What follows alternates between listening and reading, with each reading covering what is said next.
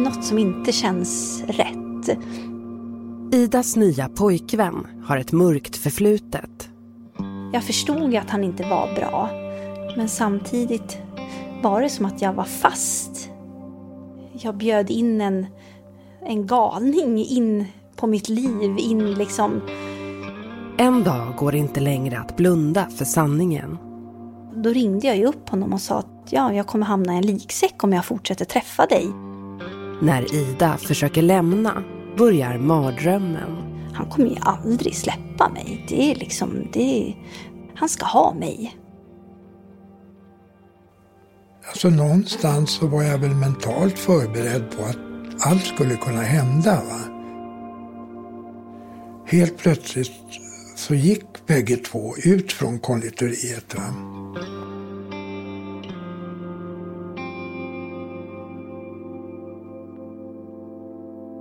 Du lyssnar på Podmi Dokumentär och det här är första delen av Jagad av mitt ex. En serie i två delar av mig, Klara Loden.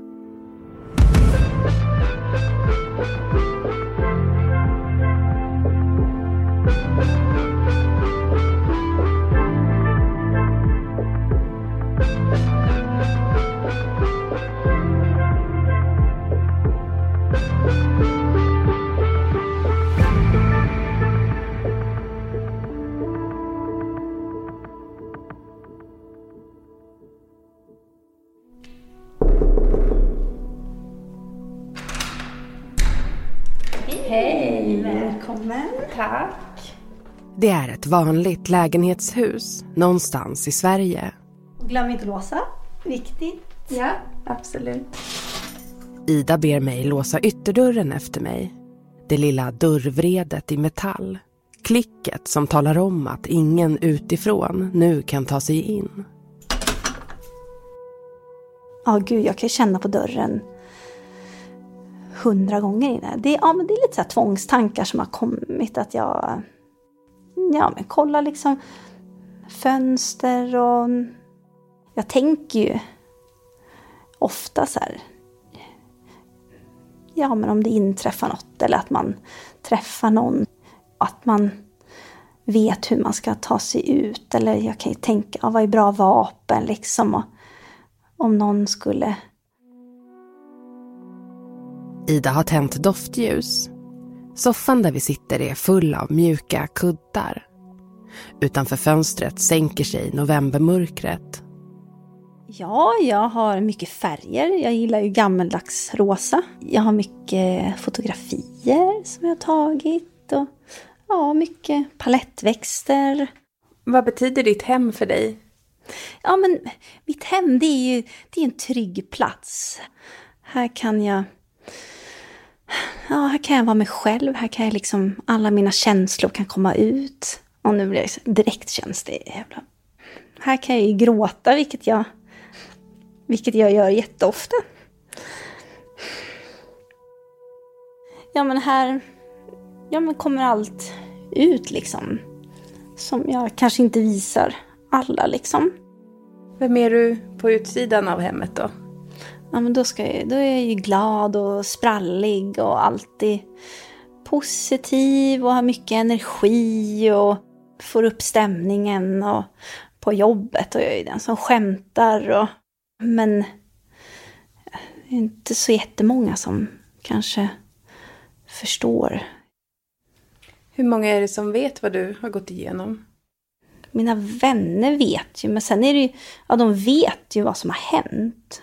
Men jag vet inte om de vet så mycket vad som egentligen har hänt och hur jag har känt. Och jag har ju liksom bara viftat bort det som inte så farligt. Och jag har ju haft en bra barndom och en bra uppväxt. Hur kan man liksom hamna så fel? Så det är väl det också att jag, att jag skäms. Så det är därför jag kanske har förminskat det jag har varit med om också jag känner att jag skulle vilja bearbeta det.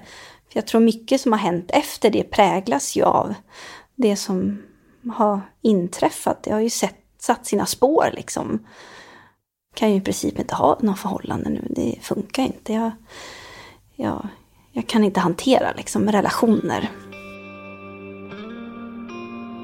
det känns ju liksom så här som att det var igår. På något sätt så, det kommer ju aldrig, det försvinner ju inte. Det här kommer ju följa mig hela livet. Vi ska backa bandet tillbaka till den här historiens början. Ida bor då tillsammans med sin man sedan 11 år tillbaka. De är gifta och har ett litet barn ihop.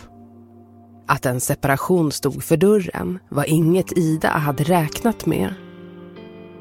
Det funkade väl inte så bra mellan oss, men jag hade ju aldrig trott att det som hände skulle hända. När man har gift sig och man har fått barn, det var inte det man såg framför sig. Och han var ju liksom min trygghet. Jag träffade honom när jag var 22 och när han lämnade mig och träffade någon annan och jag blev helt knäckt liksom. Det, det var ju helt fruktansvärt. Det var ju något man aldrig trodde skulle hända. Det var ju en distans som liksom skedde mellan oss successivt. Men jag försökte ju desperat klamra mig fast. Men jag minns så väl när vi satt i soffan och, han, och jag frågade honom Älskar du mig fortfarande? Och då sa han Nej, det gör jag inte. Och det var sista gången vi tittade på tv tillsammans. Sista dagen vi åt middag tillsammans. Sista liksom kvällen vi satt vid varandras sida. Så, det så jag tror jag blev ju ganska nedbruten av det. Och det var ju på den vägen som jag... Då var jag ju väldigt skör och jag behövde liksom bekräftelse. Jag ville bara liksom mm, ha någon som omfamnade mig, någon som fanns där. Så jag var väl ett jäkligt lätt byte om man säger så. Liksom det, utan konsekvenstänk eller någonting. Jag bara ville att någon skulle älska mig. Ida har bestämt sig för att börja dejta. Sist hon var singel hade folk knappt smartphones och än mindre datingappar. Ja, det var ju jätte märkligt. Jag visste ju, och det var ju det också, jag visste ju knappt hur man gjorde. Det var, då använde man ju Tinder liksom. Det var ju det, ja, så jag bara, men då laddade jag ner den här appen och det gjorde jag ju ganska fort. Och jag var ju inte egentligen redo för en relation. Det var ju mer liksom för att jag var så sårad och ja, jag fattade väl knappt vad som hade hänt. Och jag ville ju bara ha någon som fanns där vid min sida, för jag hade ju knappt varit ensam. Jag hade ju knappt varit själv. Så jag bara, jaha, vad gör man nu? Och då ja, gick jag ut på Tinder och då träffade jag ju den här um, mannen då som ja, såg ju väldigt bra ut. Han var ju snygg. Ja men trevlig ut. Jag kände ju ja, men en dragningskraft då till honom. Så då svepte jag ju är det vänster eller höger? Nu kommer jag inte ihåg. Men något håll där man sveper när man gillar någon. Ja, men då matchar vi och han börjar ju direkt skriva och han var ju väldigt... Ja, men direkt gick under skinnet eller vad man ska säga. Han ville ju direkt ringa och prata. Han var ju så bekräftande och han ville lyssna på mig och han var ju allt det som jag behövde just då. Och och han sa ja, du får ju ringa och prata med mig när du vill. Och jag finns här och lyssnar på dig. Och, ja, det kändes ju som han förstod mig. Det fanns varningssignaler, berättar Ida. Men hon såg dem inte då. Och det kanske nästan var att man inte ville se det heller. För jag ville bara ha någons kärlek och någons eh, bekräftelse, någon som fanns där. Lite att allt gick så fort ja, det, att han... Ja, men han ville ju liksom ringa direkt, han ville träffas på en gång. Men då var han, jag behövde ju liksom någon som bara liksom fanns där och var ödmjuk. På något, på något sätt, ja, men han var väldigt sårbar också. Han kunde ta till sig mina känslor, förstå mina känslor och jag tror det var det som kanske också drog mig till honom. Det var väl kanske när jag hade träffat honom några gånger som jag kände att det inte var någon kille kanske som var bra. Det känns bara som jag bara följde. Jag bara, ah, du får ringa. Så här, och då Men sen var han ju väldigt så här, han mässade hela tiden. Och han ville ringa hela tiden. Så då pratade vi. Och sen så, ja det var nästan direkt som att han ville vara en del av mitt liv på något sätt. Han ville liksom direkt få en, en ja, närmare relation. Ja, direkt efter vi hade pratat och mässade han igen. Ja, men du får höra av dig när du vill, jag finns tillgänglig. Du får mässa om det är någonting, du får ringa mig. Han kände väl av att jag behövde det. Jag behövde det stödet när jag var så skör. Och då tyckte jag att det var skönt också. Så då, ja men vi fortsatte ju att skriva och, och ja, vi pratade i telefon och ganska fort så träffades vi ju. Ida kan inte sätta fingret på exakt vad det är. Men något känns fel. Ja, det var en magkänsla då jag kände att var, varför... Ja, att det var någonting, men då var det som att jag inte eh, ville veta det. Jag tryckte ifrån mig det för att jag ville ha hans närhet och bekräftelse. Och varje gång vi såg så var vi ju bara hemma. Vi var ju aldrig ute. Det, han ville inte vara bland folk. Men jag lyssnar ju inte på min magkänsla, för andra var starkare. Min känsla av att jag ville ha någon vid min sida som, som eh, ja, men, täppte den här känslan av att jag var ensam och att jag... Ja, men, det kändes som han gav det till mig. Och då ville jag inte veta vad var det som gjorde att han betedde sig så här. Vad är det han har varit med om? Vad är det han har gjort? Så jag släppte ju bara honom närmare in på mig. Vad pratade ni om? Ja, men han lyssnar ju på mm, ja, men min separation. Allt som hade hänt där. Hur, ja, men hur ledsen jag var och hur ja, min, min dotter, ha henne på halvtid. Och jag kunde gråta och han kunde krama om mig. Och, och han kunde ju också säga att han hade haft det svårt och han inte hade haft det lätt i livet. Och det var som att vi kunde eh, ja, men finna varandra i det. Men sen var han ju väldigt fåordig med det som hade hänt honom. Egentligen var det ju som att jag vet inte om det var personen i sig jag ville ha nära, utan jag ville bara ha någon som var där och höll om mig. Och det var ju det som blev så fel då, att jag, jag bjöd in en, en galning in på mitt liv, in liksom i mitt sköra jag liksom. Så egentligen, jag blev ju inte kär i den här personen utan han kröp ju sig in, in på mig och vi såg ju på film tillsammans och vi, ja, men vi åt middag tillsammans och vi ja, men sov tillsammans och ja, men bara var tillsammans. Mannen är först ganska förtegen om vem han är och vad han varit med om. Ida anar att han döljer något om sitt förflutna men vill inte fråga rakt ut vad det är. Men så börjar han dela med sig. Han berättade ju små bitar hela tiden. Men när han berättade det så var det ju som att han själv var offret. Så han fick ju mig att tycka synd om honom. Han fick ju mig att känna, men stack stackars honom. Han har ju varit med om så mycket hemskt i sitt liv. Det är ju, det är ju honom det är synd om. Så han fick ju mig att tro att det, det, det, var ju alla som var emot honom. Och, och med känslan av att ja, nu ska jag ta hand om honom. Ida får reda på att mannen är dömd för dråp. Och han antyder också att det ska ha hänt något med en tidigare partner. Hon frågar inte om några detaljer och hon beskriver det som att sanningen var för jobbig att ta in. Hon vill inte veta.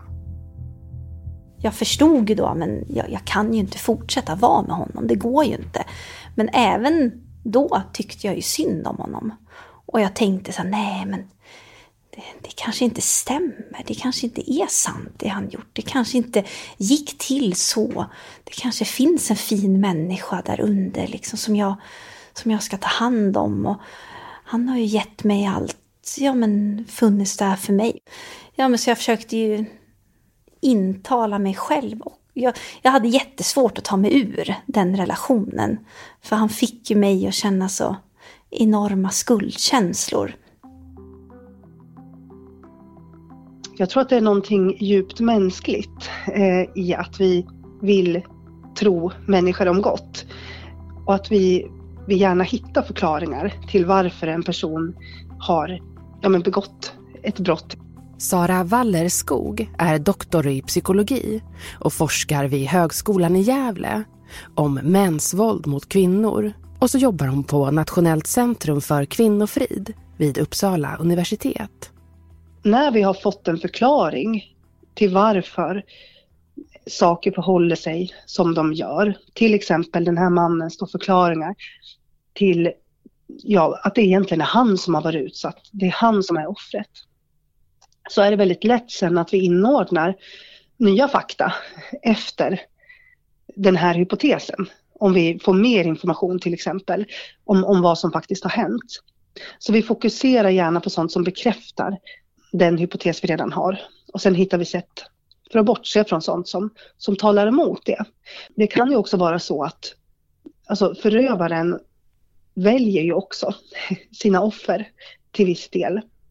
Det kan vara så att den som utsätts också kanske har särskilt lätt att känna ansvar för förövaren. Och det kan vara en person som har också särskilt goda egenskaper som empati och omtanke och altruism. Och det kan ju vara särskilt svårt då att liksom se och att, att faktiskt lämna till exempel den här personen för att man kan känna ett ansvar för förövaren också.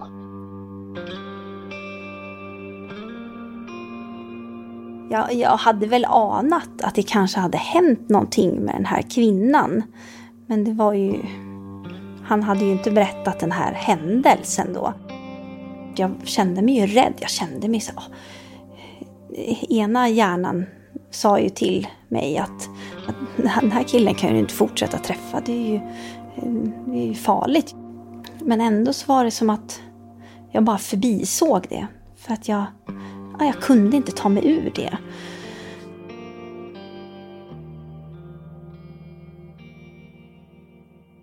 Men sen gick jag ju på ja, men den här middagen då med... Ja, men då har vi träffats några månader. Det är höst och en kompis bjuder in Ida på en tjejmiddag. Och jag hade väl gans varit ganska tyst om att jag hade träffat någon. Och det var ju för att jag kände att det inte var en bra kille. Så att, så att ingen skulle fråga om honom.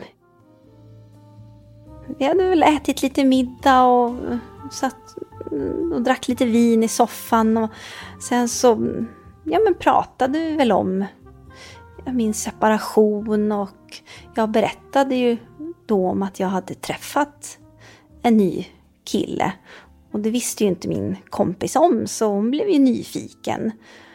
Och eh, då berättade ju jag vad den här killen hette. Ida berättar lite svepande för kompisen att hon har en dålig magkänsla kring sin nya pojkvän. Men att det kanske inte är något att oroa sig för. Hon berättar att han nämnt att han dömts för brott. Jag tror nästan att jag kanske sa det för att jag... Det var ju som att jag vill... Egentligen ville jag väl att ville väl att någon skulle säga till mig att det inte är så bra. För jag kunde ju inte ta mig, jag kunde inte ta mig ur det själv på något sätt. Jag förstod ju att han inte var bra. Men samtidigt var det som att jag var fast i det också. Att jag var så svag för att ta mig ur själv. Och att jag kände sån skuld att ta mig ur också gentemot honom för att jag tyckte ju så synd om honom. Hans liv var liksom helt ja, men katastrof. Om, om han fanns där för mig så skulle jag finnas där för honom. Kompisen agerar. Hon googlar mannen och ringer sedan en manlig släkting som är polis. Han känner igen mannens namn och säger åt Idas kompis att det här är allvar. Han sa ju direkt ja, hon måste därifrån på en gång om hon inte vill hamna i en liksäck. Hur kände du när du fick höra det? Det är som att alla mina så här känslor bara liksom ja, försvunnit. Ida får reda på att det hon anat, det som mannen antytt, också stämmer.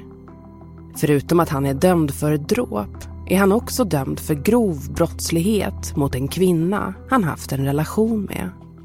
Såklart att jag kände mig rädd. Men då kände jag ju också, nej men är det sant? Det är överdrift. Så farligt kan det ju inte vara. Lite så också. Stämmer det verkligen? Ida gör något hon hittills inte haft en tanke på. Ja, det var ju då som jag googlade honom. Ja, då blev man ju jättechockad. Eh, nu får jag så här ryckning i ögat bara för jag blir så nervös. Oh, Du behöver inte prata om det faktiskt. nej, men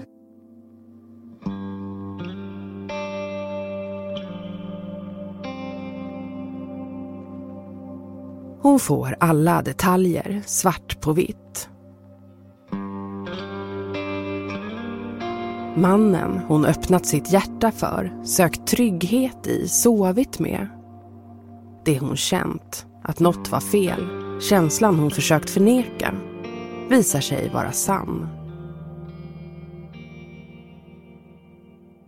jag blev ju helt så här kall i hela kroppen. Det blev ju ja, men en jättekonstig känsla i magen. Jag blev ju ja, men, jätterädd. Det blev jag. Jag blev ju rädd. Men samtidigt kunde jag nog inte riktigt ta till mig det. Jag kunde nog inte fatta att det var, att det var sant, det jag läste. Det var nästan som att det var på film. Bara, är det här, stämmer det här verkligen? Det var nästan som att jag ville ja, men förringa det lite. Som att det här, det, ja, men nästan för att skydda mig själv mot att jag, för att jag träffade honom. Hur kan jag träffa någon som har gjort något sånt? Då var det nästan som att jag ville, ja, nästan inte ville förstå att det hade hänt och att han hade gjort det. Då ringde jag ju upp honom och sa att ja, jag kommer hamna i en liksäck om jag fortsätter träffa dig. Du sa det till honom? Ja, Ida bestämmer sig för att göra slut med mannen som hon nu varit tillsammans med några månader. Men det ska visa sig vara långt svårare än hon kunnat ana. Ja, men då fick ju han ju panik. Måste det där alltid förfölja mig? Och det är ju, jag vill bara leva ett normalt liv och det kommer aldrig hända dig. Och, ja, men jag har ju läst massor på nätet, sa jag. Jag har ju läst vad... Ja, men det är inte sant. Nej, det är inte sant. Jag, han var inte farlig nu. Det skulle aldrig hända igen. Och jag sa ju att jag... Ja, men jag blir ju rädd för dig nu. Och, men han sa ju, nej men du behöver inte vara rädd för mig. Men då sa jag, ja, nej men... Ja, då sa jag att, nej, men, att jag inte ville fortsätta träffa honom. Ja, då fick jag ju lite panik. Jag har ju liksom sovit med honom i samma säng. Det går ju inte. Nu... Nej, då bara... Nej, men jag ringde ju min... Då ringde jag ju min pappa. Ja, min dotter är ju mig väldigt kär. Eh, kan väl säga att ja, det är väl det bästa jag har. va. Det här är Idas pappa, Per. Vi har ju alltid haft en väldigt nära, tajt relation. Va? Och man kan väl säga att Ida är väl lik mig på många sätt som jag var som yngre. Va? Så ganska impulsiv, rätt känslostyrd, men väldigt omtänksam och snäll. Jag fick väl egentligen inte höra talas om det förrän det hade väl framkommit på något sätt. Hur vet jag inte, men att han tidigare hade varit aktuell i något brottmål som rörde en annan kvinna. Per kommer spela en stor roll i det som snart ska hända. Men det vet han inte än. Nej, men det var som att jag var en annan person på något sätt. Jag, jag kunde inte ta mig ur det, men just då så insåg jag väl att jag kan ju inte fortsätta träffa honom. Jag måste ju, jag måste ju ta mig ur det här. Det går ju inte. Eh, det är ju ingen människa jag vill vara med. Det var ju bara behovet av att få känslomässig närhet som var liksom anledningen egentligen till att jag träffade honom från början. Mannen vill inte acceptera att Ida gör slut. Nu hade han ju funnits där för mig och nu kan ju inte jag bara lämna honom när jag har fått reda på allt som han har råkat ut för. Och då, ja men han tyckte ju att vi ska ju leva tillsammans. Det fanns ju inte en chans att han skulle släppa mig. Han trodde ju inte att jag ville bli av med honom. Nu börjar en mardröm som Ida inte hade kunnat föreställa sig. Han kunde ju ringa mig ja, 50 gånger på en dag. Han kunde ju skicka, alltså, sjukt många sms. Det var ju kilometerlånga där han bara mm, skrev ja, hur mycket han älskar mig och ja, men, allt som han kände för mig och hur vi skulle leva tillsammans och att jag inte fick lämna honom och att han inte var farlig och allt som hade hänt. Och, ja, men, det tog liksom aldrig slut. Och det gick inte att resonera med honom. Det gick inte, hur mycket jag än skrev att jag vill inte träffa dig, jag vill inte ha någon kontakt med dig, jag vill inte att du hör av dig. Det gick liksom inte in. Hur fick det dig att känna att han skrev så?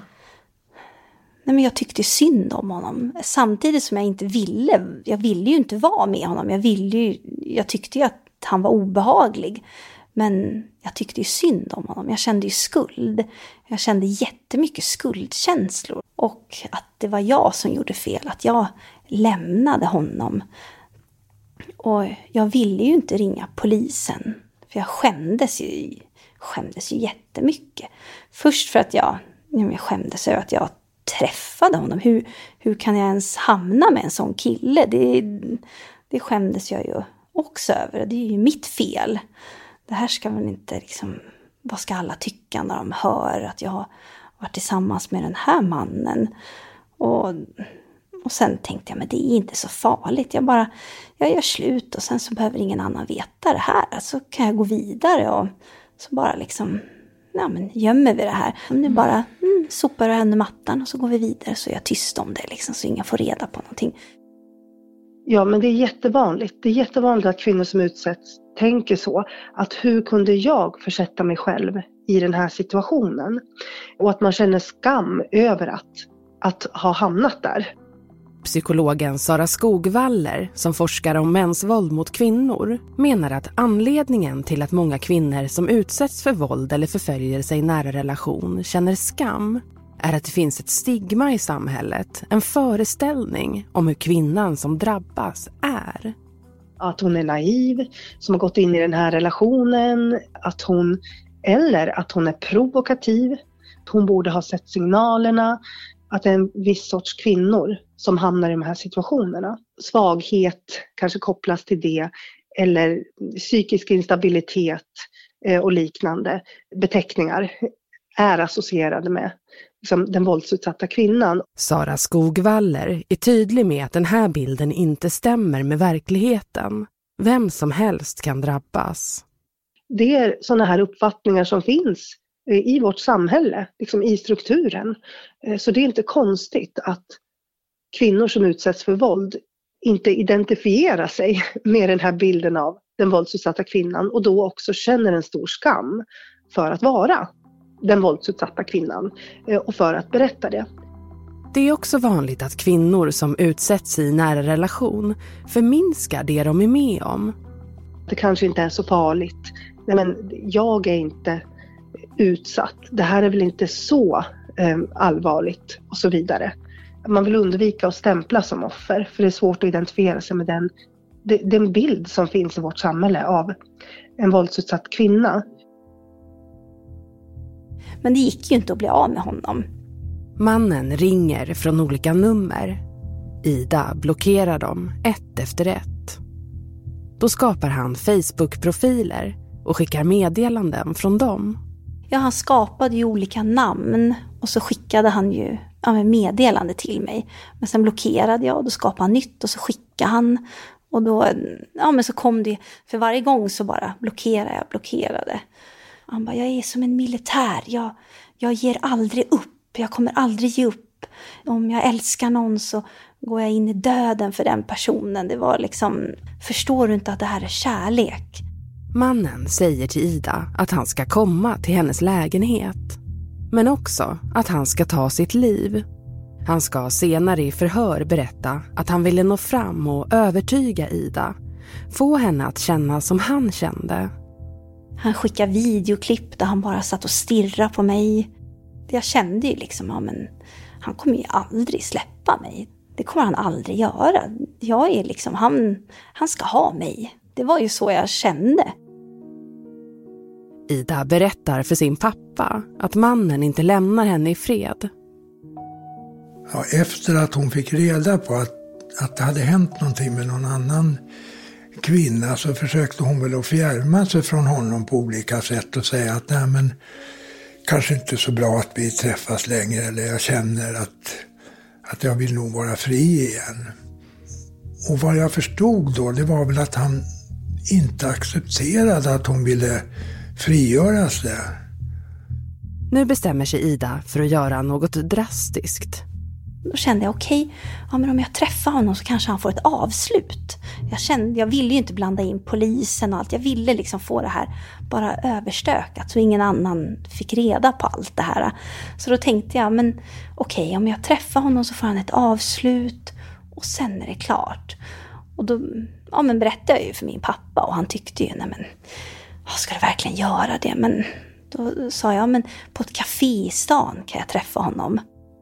Ja, och då, jag menar, då, då blev jag ju känslomässigt ganska påverkad sådär och då sa jag att kanske bättre att du träffar honom och, och är tydlig med att ja, men nu är det slut. Va? Och då bestämde vi att min pappa skulle följa med. Och då sa vi, ja, men ett café i stan. Och då gick ju min pappa och satte sig på det här kaféet först. Så då satt ju han redan på kaféet för han skulle hålla koll och finnas där till hands. Det är vinter, fuktigt och kallt ute. Inne på kaféet surrar kaffemaskinen. Jag var ju ute i god tid. Så jag tog nog en kopp kaffe och en, en bulle. Och det är ju konstigt att man i en sån väntande situation tar sig tid att äta en bulle, men det gjorde jag nog. Alltså jag förberedde mig på så sätt att, att det var viktigt att jag inte blev avslöjad att jag fanns där eller att, eller att det skulle hända något, något våldsamt på, på det här konditoriet. Så när jag kom dit så informerade jag personalen där att ja, min dotter kommer hit och en, en man med en man som jag inte känner speciellt men som jag tror är lättkränkt och, och, att det kan uppstå någon situation här som kan bli obehaglig. Så att, att jag bara informerar om det och, och sa också det att jag, när de kommer in så kan jag nicka bara till er som de som stod i kassan då. Va? Ja, så gick det en stund och så kom Ida med den här mannen då. Va? Då var jag ju nervös. Det kändes ju obehagligt. Och då var han ju väldigt ja, klängig. Det gick ju inte att nå fram heller. Jag kände ju att det här, det här är ju inte bra. När de hade satt sig ner så satt bägge två med ryggen mot mig på ett visst avstånd. Det kanske var 10-12 meter. Och de pratade, det, det såg jag. Alltså jag såg dem, kan man ju säga, lite sådär i profil, men med ryggarna mot mig sådär. Men jag såg att de pratade. Och han satt hela tiden och strök Ida på ryggen, så här, upp och ner, upp och ner. Så Det här kommer ju inte bli ett avslut för honom. Det här blev ju bara som att slänga ved i brasan liksom. Det var ju obehagligt. Det kändes obehagligt. Va? För att det var väl någon slags känsla av att en viss obehags, obehaglig känsla. Då var jag ju rädd. Då kände jag ju liksom att... Ja, men då sa jag, men nu, eh, nu måste vi avsluta, nu måste jag hem. Eh, men då ville han, han ville inte släppa mig, han ville inte släppa mig. Per sitter ett tiotal meter från sin dotter och mannen som stryker henne på ryggen. Han hör inte vad de säger. Han vet inte hur Ida upplever situationen. Och han kan inte resa sig upp och gå fram till dem. Jag värnar väldigt mycket om Ida då. Och alltså någonstans så var jag väl mentalt förberedd på att allt skulle kunna hända. Va? Och det som satte kanske igång känslorna, va? det var väl att... Då händer något han inte räknat med. Helt plötsligt så gick bägge två ut från konditoriet. Va? Per måste genast ta ett nytt beslut. Att gå efter dem är uteslutet. Avslöjar han att han hela tiden suttit och iakttagit dem kan det bli farligt, resonerar han. Kanske har Ida situationen under kontroll. Kanske är det här hennes chans att göra slut och bli fri från mannen. Men så får Per en idé. Och då ringde jag till Ida. Och på något sätt kanske hon lyckades då eh, fingera samtalet, vem det var som ringde. Och jag sa bara kort, men, men, men vad händer? Ja, jag ska bara följa med till en, en busshållplats och sen kommer jag tillbaka om fem tio minuter. Per går ut i vinterkvällen, ställer sig utanför kaféet. Han kan inte se busshållplatsen. Du vet, fem tio minuter, det blev väl en halvtimme och jag stod och trampade där och jag tänkte jag kan inte hålla på och springa efter utan nu måste jag lita på att eh, Ida ser till att de är hela tiden när de går till busshållplatsen att det är folk i närheten och sådär. Ja, men jag tror vi stod där en halvtimme och han ville ju aldrig släppa mig där. Och till slut blev han ja, men han blev obehaglig. Han började dra i mig och jag såg desperationen i honom. Ja, men till slut så ja, men tog jag mig därifrån. Liksom. Då, ja, men då tog jag mig därifrån och så gick jag upp till kaféet. Och det var väl skönt, för då trodde jag ju att det var ett, ett avslut nu. Va? Men det visade sig att det var ju inget avslut utan eh, Det som skulle bli ett avslut blev början på något nytt. Något långt värre än vad Ida kunnat ana. Ja, då vaknade jag mitt i natten av att jag hörde att det dunkade och, och någon drog i dörren och, och slog i brevlådan. Och... I nästa avsnitt av Jagad av mitt ex. Mannen vägrar ge upp och polisen ska få ett allvarligt fall på sitt bord. Det här var verkligen en person som var verkligen besatt ju utav Ida då vid det här tillfället ju. Ja, jag kan ju dö liksom. Och de sa, ja du kan dö. Ja, de var ju väldigt grova i, i sina ord och liksom så här, och arga var de ju. Det var ju för att jag skulle fatta. Ibland kanske man måste till lite drastiska åtgärder ju för att väcka upp någon ju ur den dvala man kanske befinner sig i.